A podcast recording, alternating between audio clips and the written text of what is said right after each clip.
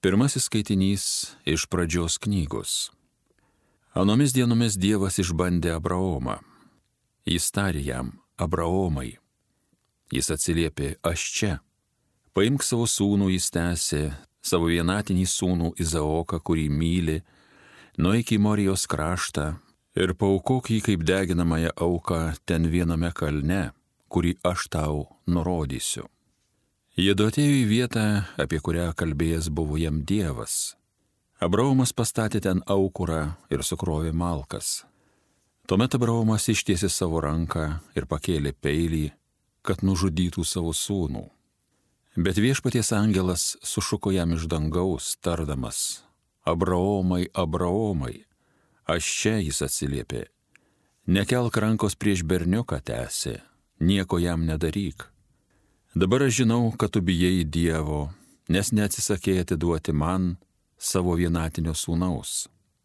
Kai Abraomas pakėlė akis, jis pamatė aviną, ragais įstrigus į krūmę. Abraomas tada priejo, paėmė aviną ir paukojo jį kaip deginamąją auką vietoj savo sūnaus. Viešpaties angelas pašaukė Abraomą iš dangaus antrą kartą ir tarė, prisiekiu pačiu savimi, tai viešpaties žodis Kadangi tu tai padarėjai, neatsisakėti duoti savo vienatinio sūnaus, todėl aš tikrai laiminsiu tave ir padarysiu tavo palikonis tokius gausius, kaip dangaus žvaigždės ir pajūrio smiltys. Tavo palikonys užims savo priešų vartus ir visos tautos žemėje ras savo palaiminimą per tavo palikonis, nes tu buvai klusnus mano balsui. Tai Dievo žodis.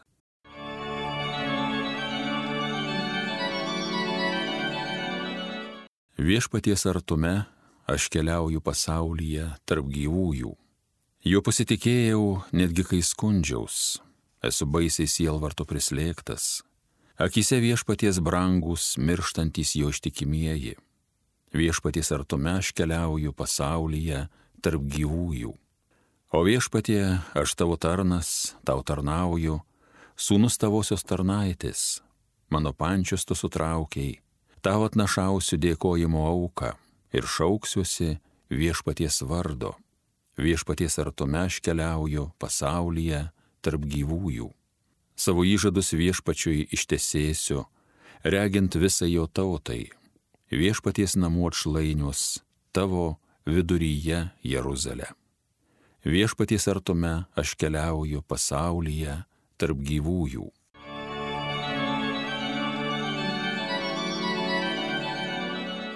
Antrasis skaitinys iš Šventojo Paštalo Pauliaus laiško romiečiams. Broliai ir seserys. Jei Dievas už mus, tai kasgi prieš mus? Jeigu jis nepagailėjo nei savo sūnaus, bet atidavė jį už mus visus, kaipgi jis ir visko nedovanotų kartu su juo? Kas kaltins Dievo išrinktuosius? Juk Dievas išteisina. Tai kas pasmerks? Ar Kristus Jėzus, kuris numirė, bet buvo prikeltas, kuris sėdi Dievo dešinėje ir net užtarė mus, tai Dievo žodis. Šlovėtau Kristau amžinosios garbės karaliau. Iš spindinčio debesies pasigirdo tėvo balsas. Šitas yra mano mylimasis sūnus, jo klausykite. Šlovėtau Kristau amžinosios garbės karaliau.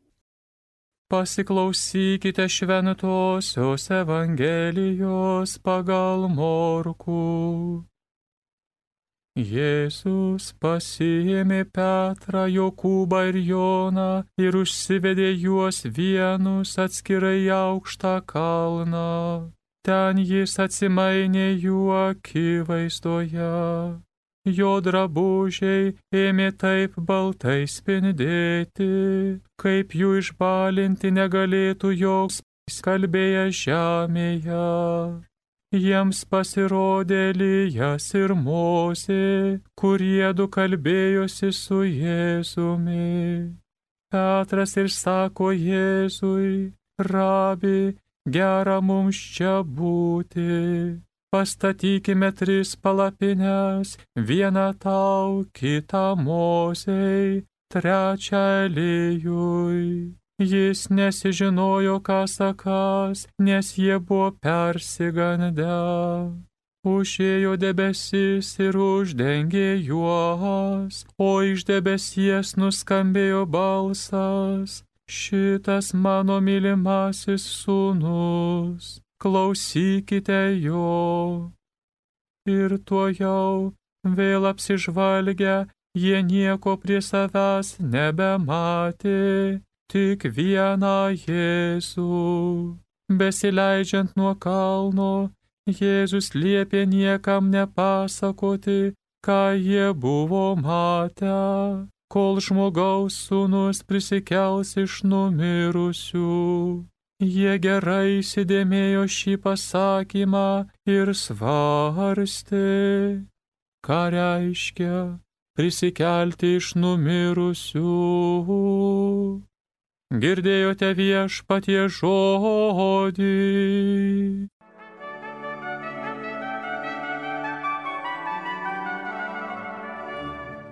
Mėly Marijos radio klausytojai, šiandien pirmame skaitinyje Abraomo auka mums primena, kad tikras tikėjimas visada skatina aukai.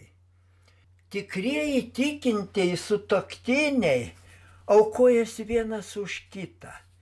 Vienam susirgus kitas juo rūpinasi iki pat mirties. Tokie skirybomis niekada nepalieka vaikų likimo valiai. Tikėjimas visada šaukia rūpintis ne tik vaikais, bet ir kitais žmonėmis.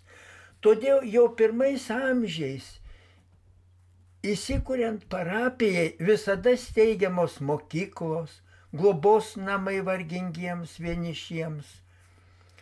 Tikėjimas visada reikalauja meilės artimui. Šventasis Domininkas buvo gabiausias teologijos studentas Valencijoje, bet tą kraštą apėmė baisus vargas. Daugelis žmonių mirė badu. Domininkas sakė, negaliu studijuoti ant badų mirusių lavonų. Ir jis atidavė parduoti savo brangiausias studijų knygas net su prirašytomis pastabomis. Reikia dar pridurti, kad Domininkas du kartus atidavė viską, ką tik turėjo parduoti, kad išvaduotų žmonės pakliuvusius į nelaisvę. Kai karo metais arkiviskupas Ronkali buvo Istambulyje nuncijus, priėmė vairuotojų žydą pabėgėlį. Kai nacijai pradėjo žydus gaudyti ir Turkijoje, arkiviskupas išsiuntė savo vairuotoją į Romą. Kadangi tas vairuotojas tada ruošėsi santuokai, arkiviskupas juos sutuokė ir davė lėšų kelioniai. Vėliau Ronkalis tapo popiežiumi Jonu 23. Ir kasgi kitas skatino lietuvius vokiečių laikais gelbėti daugelį žydų, jei netikėjimas. Bet grįžkime į šios dienos skaitinius. Daug kur yra paplitęs ypač jaudinantis paveikslas Abraomo auka Abraomui Dievas žadėjo, kad jo palikonių bus kaip jūros milčių. Bet jis jau šimtametis ir dar neturi nei vieno vaiko. Ir štai gimsta sunus Izaukas. Bet tas Dievo reikalavimas sudeginti sūnų kaip deginamąją auką priešingas Dievo pažadui. Amžiams žydams Abraomas liko begalinės aukos pavyzdžių. Tokia ir Dievo auka. Ja šiandien primena šventasis Paulius antrajame skaitinyje.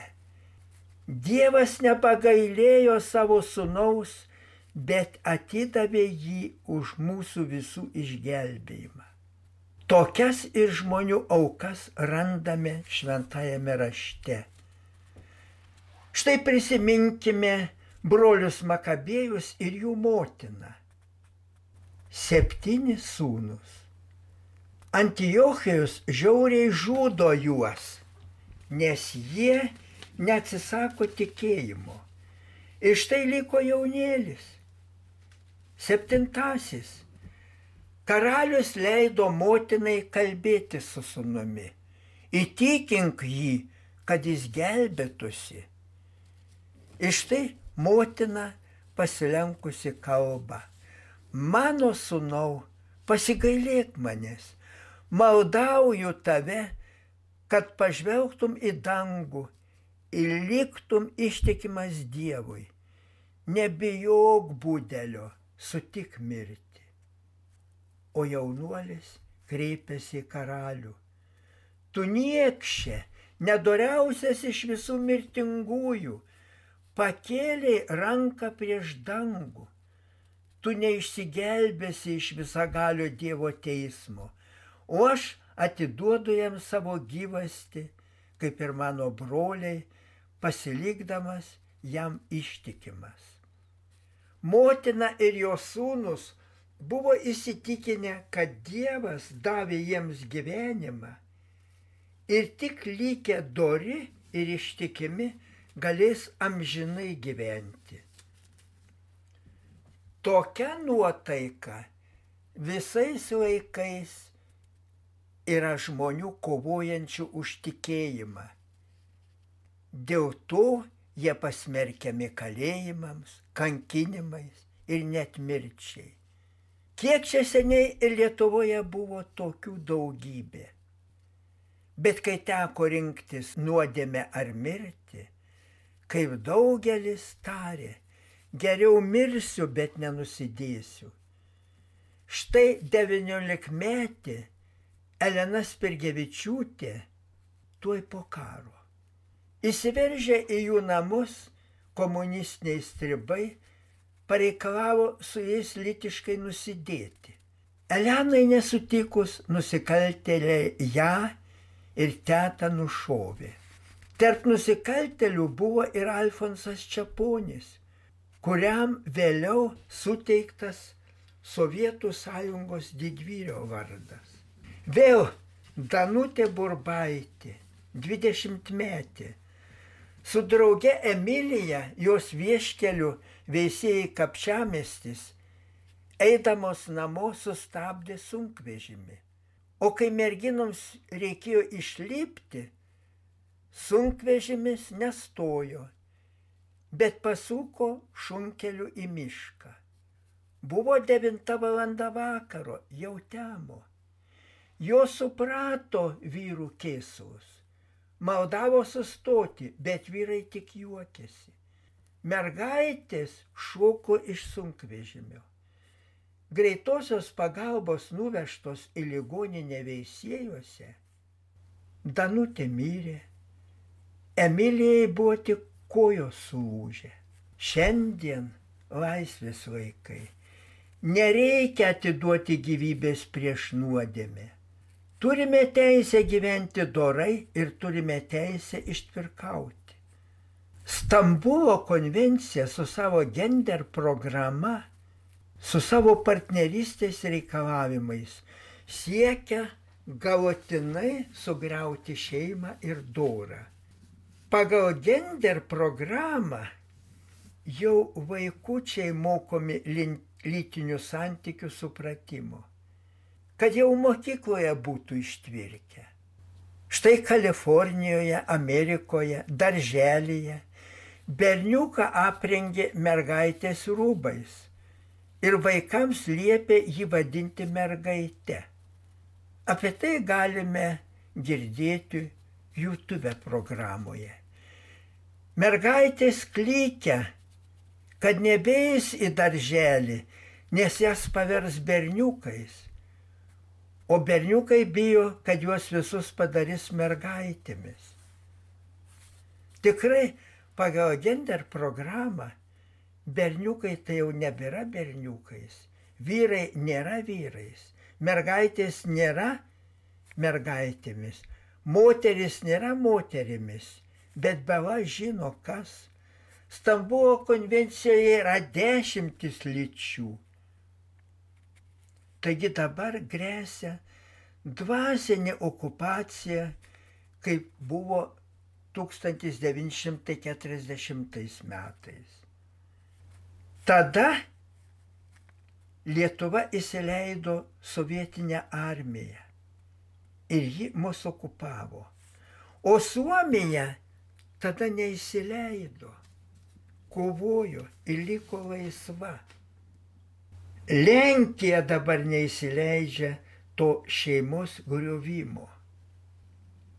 Tai pavyzdys ir mums, lietuviams. Nes kai nebeliks vertybių, nebeliks tikros šeimos, nebeliks ir tautos, nebeliks ir Lietuvos. Tai baisų žodžiai, bet juos privalau garsiai pasakyti, nes bijau, kad gali būti per vėlų. Prieš tris metus rašė Algymantas Matulevičius. Teisingai rašė. Melskime, mėly Marijos radio klausytojai, kad visi žmonės susimastytų. Amen.